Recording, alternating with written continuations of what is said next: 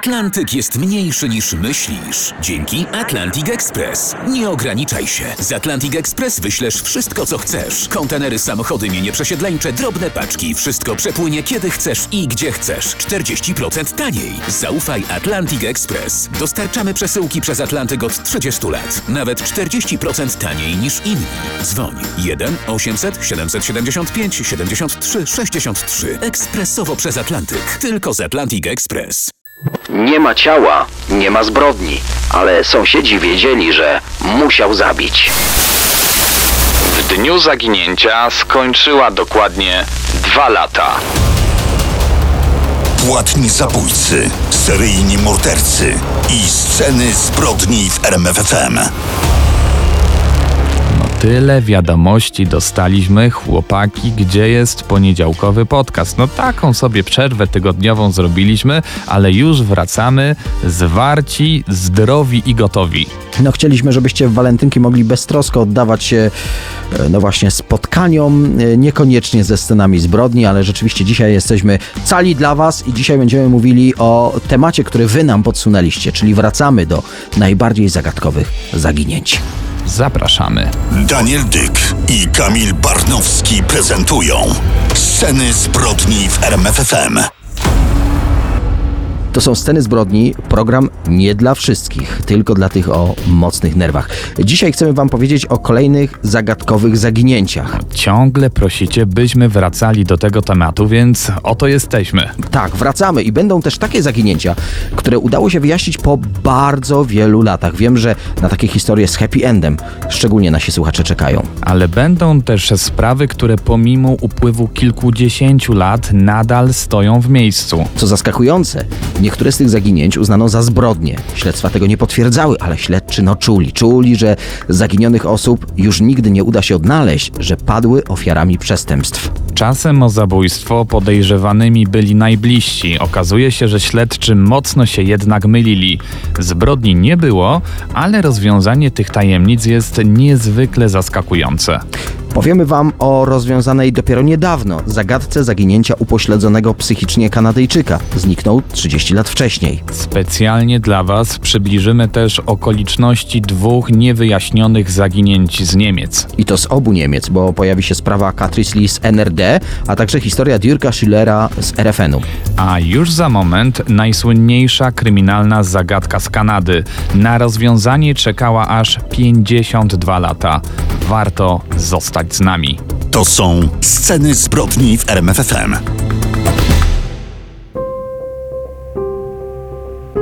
Zaczynamy od tajemniczego zaginięcia Lucien Johnson.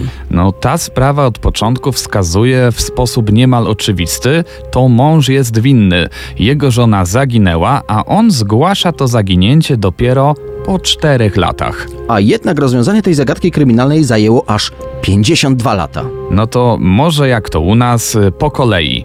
Lucy Ann Carvel urodziła się na Alasce w 1935 roku. Sporą część dzieciństwa spędziła w Kanadzie, głównie w prowincji Yukon, z którą graniczy Alaska. Jej rodzina wraca do Stanów, gdy Lucy ma dokładnie 17 lat. No i wtedy poznaje e, przystojnego Marvina Johnsona, marynarza pływającego na holowniku. Spotykają się ze sobą, a gdy Lucy ma 19 lat, wychodzi za niego za mąż. Przeprowadzają się do małego domku w miejscowości Surrey w Kanadzie. To jest typowe małżeństwo z marynarzem. On ciągle jest daleko, ona zajmuje się domem.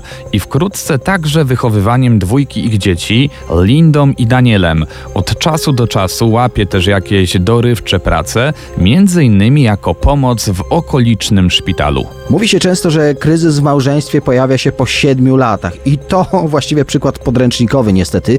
Jest rok 1961, siódmy rok ich właśnie małżeństwa. E, Mąż stracił pracę, problemy i stres przenosi więc na życie domowe. Związek przeżywa naprawdę trudne chwile. A teraz e, przenieśmy się do roku 1965. Do lokalnego posterunku królewskiej kanadyjskiej policji konnej zgłasza się Marvin Johnson i informuje, że jego żona Lucy Ann zaginęła.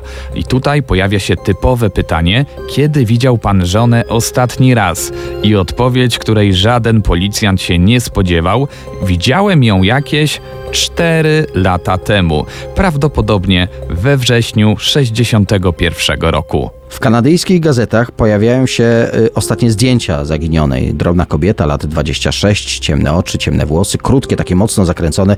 No, y, mogę powiedzieć, że ustylizowana na, y, moim zdaniem, typową fryzurę modnych gospodyń domowych lat 60. Wróćmy do męża. Fakt, że przez 4 lata zwlekał ze zgłoszeniem, uczynił z niego głównego podejrzanego. Śledztwo zakładało morderstwo. Przepytano sąsiadów, ale kto by pamiętał szczegóły sprzed 4 lat? A jednak sąsiedzi podsunęli policji ważny trop. Przypomnieli sobie, że mąż, no mniej więcej w czasie zaginięcia żony, zamontował w ogródku szambo.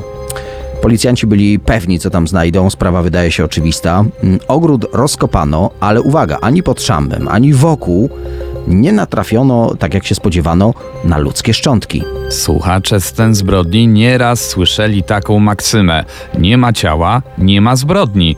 Męża nie udało się skazać, ale opinia publiczna wydała wyrok. Sąsiedzi wiedzieli, że musiał zabić. Prasa też coś podobnego sugerowała. Mąż nie miał łatwo, ani jego dzieci. W końcu cała okolica szeptała, że ich ojciec to morderca. Ale mijały lata i Marvin ożenił się powtórnie. No i to wzbudziło dodatkowe plotki, że może już od dawna miał kochankę, a żona była przeszkodą, którą trzeba było po prostu usunąć. Do tej sprawy wracano co jakiś czas. Gdy pojawiały się niezidentyfikowane szczątki kobiet, próbowano je dopasować do zdjęć albo do odcisków palców. Gdy rozwój technik kryminalistycznych pozwolił na doskonalsze ekspertyzy, wtedy przeprowadzono badania DNA, porównując materiał genetyczny do Lucy N., ale i to nie przyniosło żadnych efektów. Ostatecznie Marvin Johnson, główny podejrzany, zmarł śmiercią naturalną w latach 90. i uwaga, po jego śmierci zagadkę zaginięcia jego pierwszej żony udało się wreszcie wyjaśnić. Wspomnieliśmy, że co jakiś czas wracano do tej niewyjaśnionej sprawy. Kanadyjska policja w swoim serialu Zaginięcie miesiąca w czerwcu 2013 roku podała szczegóły no właśnie tego tajemniczego zaginięcia, które leżało w ich archiwach. Nie przyniosło to żadnych efektów, odzew widzów był no praktycznie żaden. Ale córka pani Johnson, Linda Evans, zainspirowana odcinkiem o swojej mamie, postanowiła przeprowadzić własne śledztwo. Przetrząsnęła domowe archiwum, odnalazła stare dokumenty, w których trafiła na wzmiankę o miejscach zamieszkania mamy za młodu, dokładnie kanadyjska prowincja Yukon. Napisała do y, Yukon News, cytuję: Szukam swoich krewnych. Imiona moich dziadków to Margaret i Andrew Carvel. Moja matka nazywała się Lucy Ann Carvel. Urodziła się 14 października 1935 roku w Skagway. Załączyła oczywiście zdjęcie, a no właśnie gazeta ten artykuł opublikowała. I niespodziewanie dostała odpowiedź od kobiety o imieniu Ronda z miejscowości Whitehorse, czyli ze stolicy Yukonu. Czytała z prawdziwym drżeniem rąk, jak to jest możliwe. Ronda napisała, że Lucy Ann jest jej matką. Przez kilka miesięcy kobiety wymieniały się wiadomościami. No nie było wątpliwości, chodzi o tę samą osobę. Zbyt wiele szczegółów się zgadza.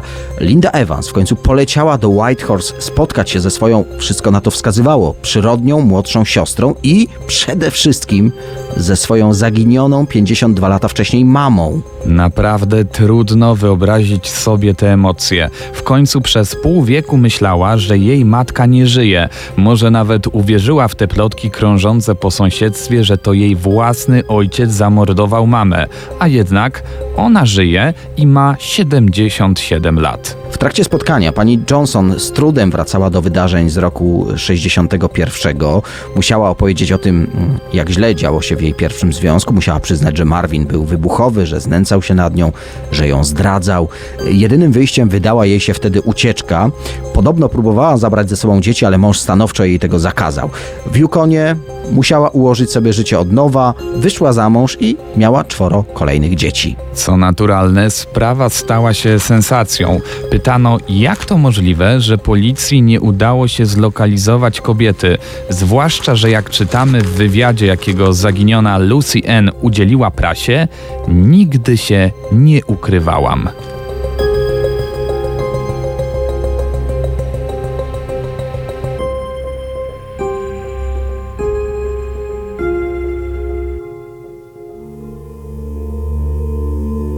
Badając tę najbardziej tajemniczą sprawę z Kanady, o której mówiliśmy przed momentem, natknęliśmy się na jeszcze jedną niezwykłą zagadkę zaginięcie Edgara Latulipa. To jest sprawa z 1986 roku. Edgar miał wówczas 21 lat. Ta sprawa jest o tyle skomplikowana, że Edgar był chłopcem upośledzonym psychicznie, dorosły facet o rozwoju na poziomie dziecka. No, Podobno szczególnie nie radził sobie w relacjach społecznych. Dlatego jego mama umieściła go w specjalnym domu opieki. Głównie z obawy o jego życie, jak twierdziła. Nie mogła być z nim 24 godziny na dobę, a pojawiły się symptomy, że Edgar mm, no, może zagrażać sam sobie. Powiedzmy wprost, on miał za sobą próbę samobójczą. No ale też ze względu na jego stan psychiczny, chłopak był ufny i jak to mama stwierdziła, zbyt ufny. Bała się, że stanie się ofiarą jakiegoś zabójcy. No i jej obawy, można powiedzieć, znalazły uzasadnienie. Edgar, nikomu nie mówiąc, wyszedł z tego ośrodka opieki w Kitchener i ślad po nim zaginął. Policja wszczęła poszukiwania. Całą okolicę obwieszono plakatami z jego podobizną. Zresztą mamy taki jeden przed sobą. Uśmiechnięty mężczyzna w okularach, półdługie włosy i setki takich podobizm zawisło w pierwszych dniach od jego zaginięcia. To było, przypomnijmy, w roku 86. No ale co jakiś czas te zdjęcia, także symulacje, jak się mógł zmienić przez lata, trafiały na słupy ogłoszeniowe w okolicy, trafiały do programów telewizyjnych, do gazet, a gdy pojawił się internet, oczywiście także w sieci można te zdjęcia nawet dzisiaj znaleźć. Ale chłopak, jak kamień w wodę, prawdopodobnie potwierdziły się obawy jego mamy, że jej syn zabił się lub ktoś go zamordował. A jednak niemal dokładnie 30 lat później, no coś niewiarygodnego. Policja ogłasza: Edgar Latulip odnaleziony. Uwaga, 30 lat spędził w miejscowości niemal po sąsiedzku, w tej samej prowincji w Ontario, nieco ponad 100 km od miejsca, w którym zniknął, w mieście St. Catharines. No to czas na rozwiązanie zagadki jego zaginięcia. Gdy Edgar zniknął z ośrodka opieki, wsiadł do autobusu i pojechał w okolice słynnego wodospadu Niagara.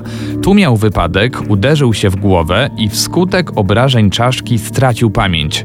Do tego jego rozwój psychiczny sprawił, że nie umiał opowiedzieć niczego o sobie. Troskliwie się więc nim zajęto, trafił do lokalnego ośrodka opiekuńczego. No, dostał też nowe imię i nazwisko, ale po latach zaczął mieć flashbacki z przeszłości. Opowiedział o swoich wspomnieniach y, opiekunowi i to prawdopodobnie za jego sprawą w końcu udało się odkryć jego prawdziwą tożsamość. Psycholog wyciągał mozolnie od niego ze strzępów y, jego wspomnień jakieś konkretniejsze wydarzenia. Ale w końcu to sam Edgar Latulip przypomniał sobie to imię i nazwisko, wpisał je w internet, odnalazł się na stronach z zaginionymi i twierdził, że to on.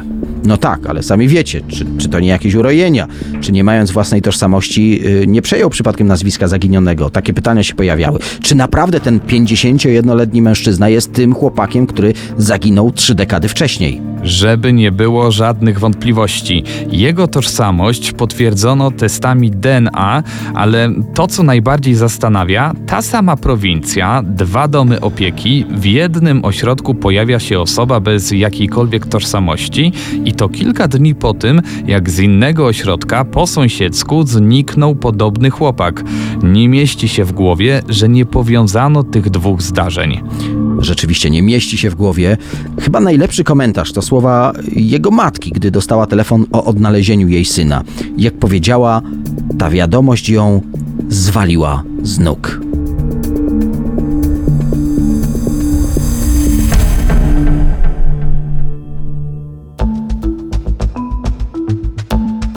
Teraz będziemy w RFN, to były Niemcy Zachodnie, dokładnie miasto Paderborn, 28 listopada 1981 roku.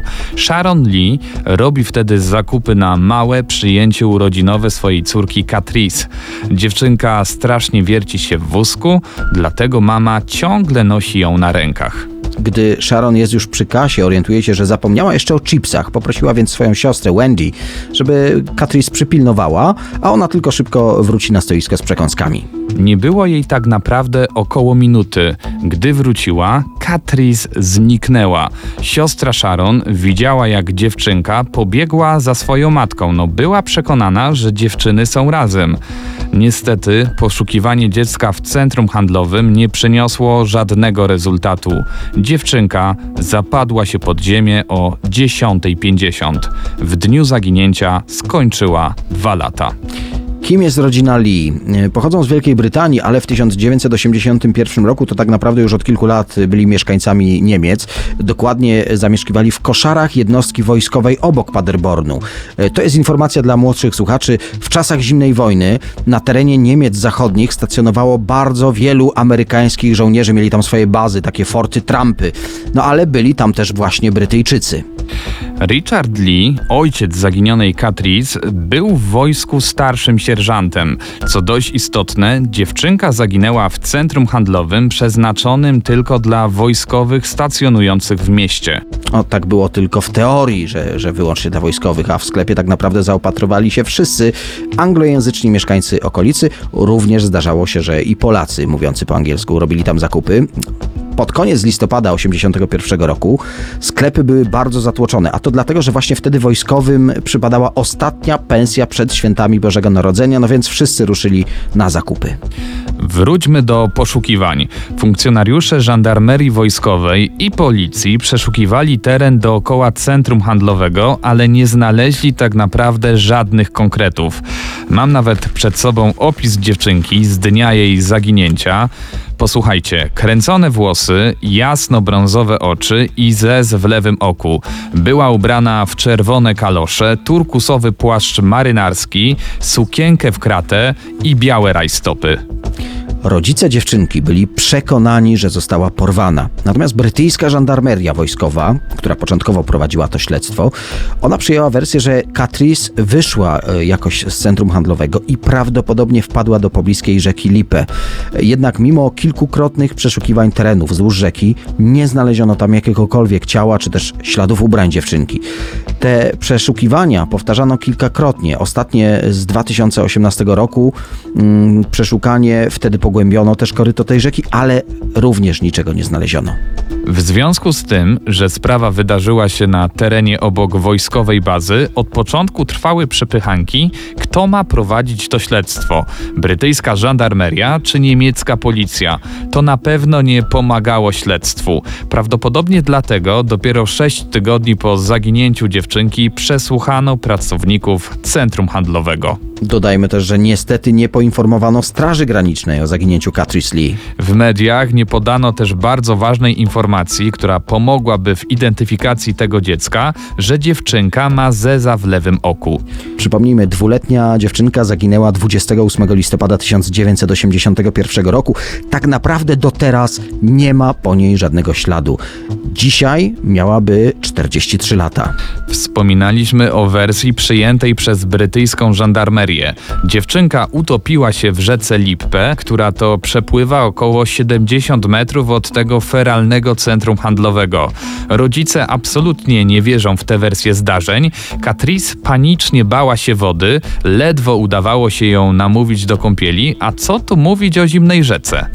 Ale obiecaliśmy powiedzieć o e, innych hipotezach, więc e, pierwsza z nich, proszę bardzo, rok po zaginięciu na policję zgłosił się mężczyzna, który zauważył zdjęcie Catrice w telewizji i twierdził, że no, niemal identyczną dziewczynkę spotkał w mieście Osnabrück, to jakieś 90 km od miejsca zniknięcia Catrice.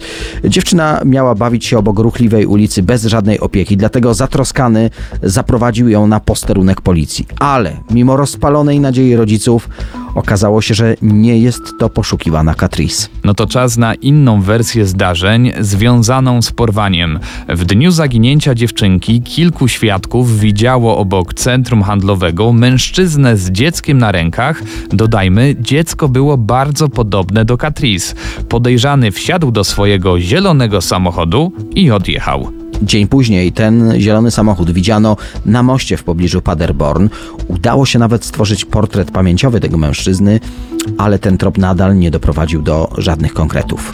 Czas teraz na inną hipotezę. Na policję kilka lat po zaginięciu zgłosiła się kobieta, której były chłopak był w wojsku razem z ojcem Catrice. Kobieta twierdziła, że pewnego razu właśnie jej były wybranek przyznał się, że to on zamordował dziewczynkę. Podejrzanego przesłuchano, jednak wszystko wskazuje na to, że kobieta po prostu kłamała. Jakiś czas później zmarła, no i tak śledczy trafili na kolejną ślepą uliczkę.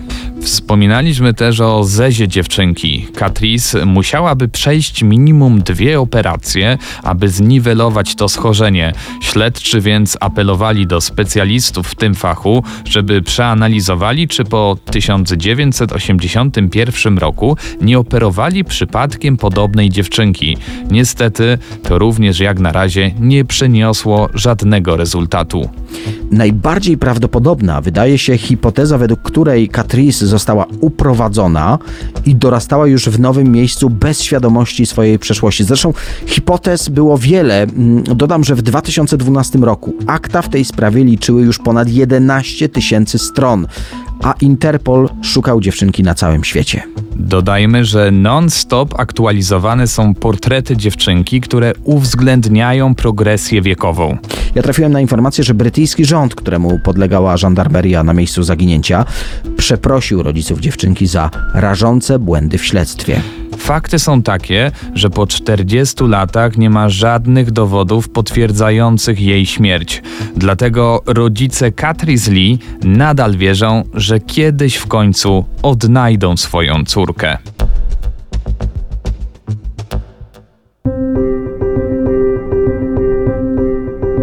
Dzisiaj mówimy o zagadkowych zaginięciach i to jest naprawdę wielka tajemnica. Dirk Schiller, zaginięcie w ostatnim dniu ferii. I to jest kolejna historia z Niemiec. Tym razem jednak jesteśmy w NRD 10 marca 1979 roku. Jak wspomniałeś, trwają ferie zimowe rodziny Schiller. Tego dnia postanowili odwiedzić jaskinię krasową w górach Harz. Po przyjeździe na miejsce okazało się jednak, że jaskinia jest jeszcze zamknięta. Obok ich samochodu zaparkował samochód marki Moskwicz. Dodajmy, że to jest auto y, no, nie dla każdego wtedy w NRD, y, raczej niespotykane na drogach, y, raczej podróżowały tymi autami osoby mm, partyjnej wierchuszki, tamtejsi partyjni dygnitarze. W środku miała siedzieć kobieta i mężczyzna. W oczekiwaniu na otwarcie jaskini, dzieci Schillerów, czyli trzyletni Dirk i jego sześcioletnia siostra, bawiły się nad rzeką. Natomiast rodzice wrócili na chwilę do swojego trabanta. A jakieś 10 minut później córka Schillerów dołączyła do nich w samochodzie, ale nie było z nią Dirka. Powiedziała, że no jeszcze przed chwilą przecież za nią szedł. Rodzice bardzo szybko sprawdzili potok, nad którym dzieci się bawiły, jednak był pokryty y, taką grubą warstwą lodu, że nie było możliwości, żeby chłopak wpadł do wody. W międzyczasie otwarto jaskinię, ale portier sprzedający bilety nie zauważył takiego chłopczyka jak Dirk. I tak rodzice z policjantami przeszukiwali teren, jednak nie znaleziono żadnego śladu po trzyletnim chłopcu. Dodatkowo wszystkie tropy przykrywał padający śnieg. Od tego momentu Dirk Schiller jest uznawany za zaginionego. Co więc mogło się z nim stać przez te ledwie 10 minut? Jest tutaj kilka prawdopodobnych wersji tych zdarzeń. E, Mniej więcej, gdy poszukiwania trwały tak około dwóch godzin, wtedy na miejscu przyjechał funkcjonariusz Stasi, czyli funkcjonariusz e, Służby Bezpieczeństwa Państwowego NRD. Po krótkiej rozmowie ze strażakami i policjantami rodzicom zostaje przekazana informacja. Dirk utopił się w rzece. Oczywiście rodzice nie chcą wierzyć w tę wersję, w końcu był tam lud, który sami sprawdzali, dlatego szukali jeszcze swojego dziecka przez kilka dni w tej właśnie okolicy. Kolejnym ważnym tropem jest ten niebieski Moskwicz zaparkowany obok Trabanta Schillerów. Samochodu nie było już na parkingu, gdy przeszukiwano teren obok jaskini. Niemiecka policja poinformowała później rodzinę, że skontaktowali się z właścicielami tego auta, ale oni nie chcą z nimi rozmawiać. Jak usłyszeli, para ma trójkę dzieci, po co więc mieli porywać czwarte? Jest jeszcze jedna ciekawa część tej historii. W 2011 roku matka Dirka, Heidi Schiller, znalazła na jednym z portali społecznościowych profil wnuka byłego przywódcy NRD. Tutaj wracamy trochę do y, tego Moskwicza, którym jeździć mieli dygnitarze. Chłopak mieszkał w Chile i był łudząco podobny do jej dziecka. Wiek też zgadzał się z wiekiem Dirka. Niestety wspomniany mężczyzna nie chciał rozmawiać z Heidi Schiller i nie zgodził się też na testy DNA. I tak, dziś po ponad 40 latach nadal nie wiemy, co wydarzyło się w górach Harz. Dodajmy też, że y, mama Dirka Schillera nigdy nie poddała się w poszukiwaniu swojego trzyletniego syna. Sceny zbrodni w RMFFM. Te dzisiejsze historie, cały ten podcast był kolejnym dowodem na to, że tylko osoby nieodpowiedzialne słuchają go przy zgaszonym świetle. Ale spokojnie, ja cię odprowadzę do samochodu i poświecę ci telefonem, żebyś bezpiecznie Ale tam na pewno, dotarł. tak? A ty mnie odprowadzisz później wzrokiem, żebym ja dotarł bezpiecznie do swojego. E, Także e, zadbajcie też o swoje bezpieczeństwo. Pamiętajcie, e, niestety, niczego w dzisiejszych czasach nie można być pewnym. Nie chciałem, żeby zabrzmiało to tak złowieszczo. E, Na pewno usłyszymy się w kolejnym podcaście. O! Oczywiście, a jeśli macie jakikolwiek pomysł na temat, który możemy w nim poruszyć, to zapraszamy na Instagrama Sten Zbrodni. Tam jesteśmy zawsze do Waszej dyspozycji. No to słyszymy się za tydzień. Kamil Barnowski, którego odprowadza do samochodu Daniel Dyk. ale już nie będę mu machał.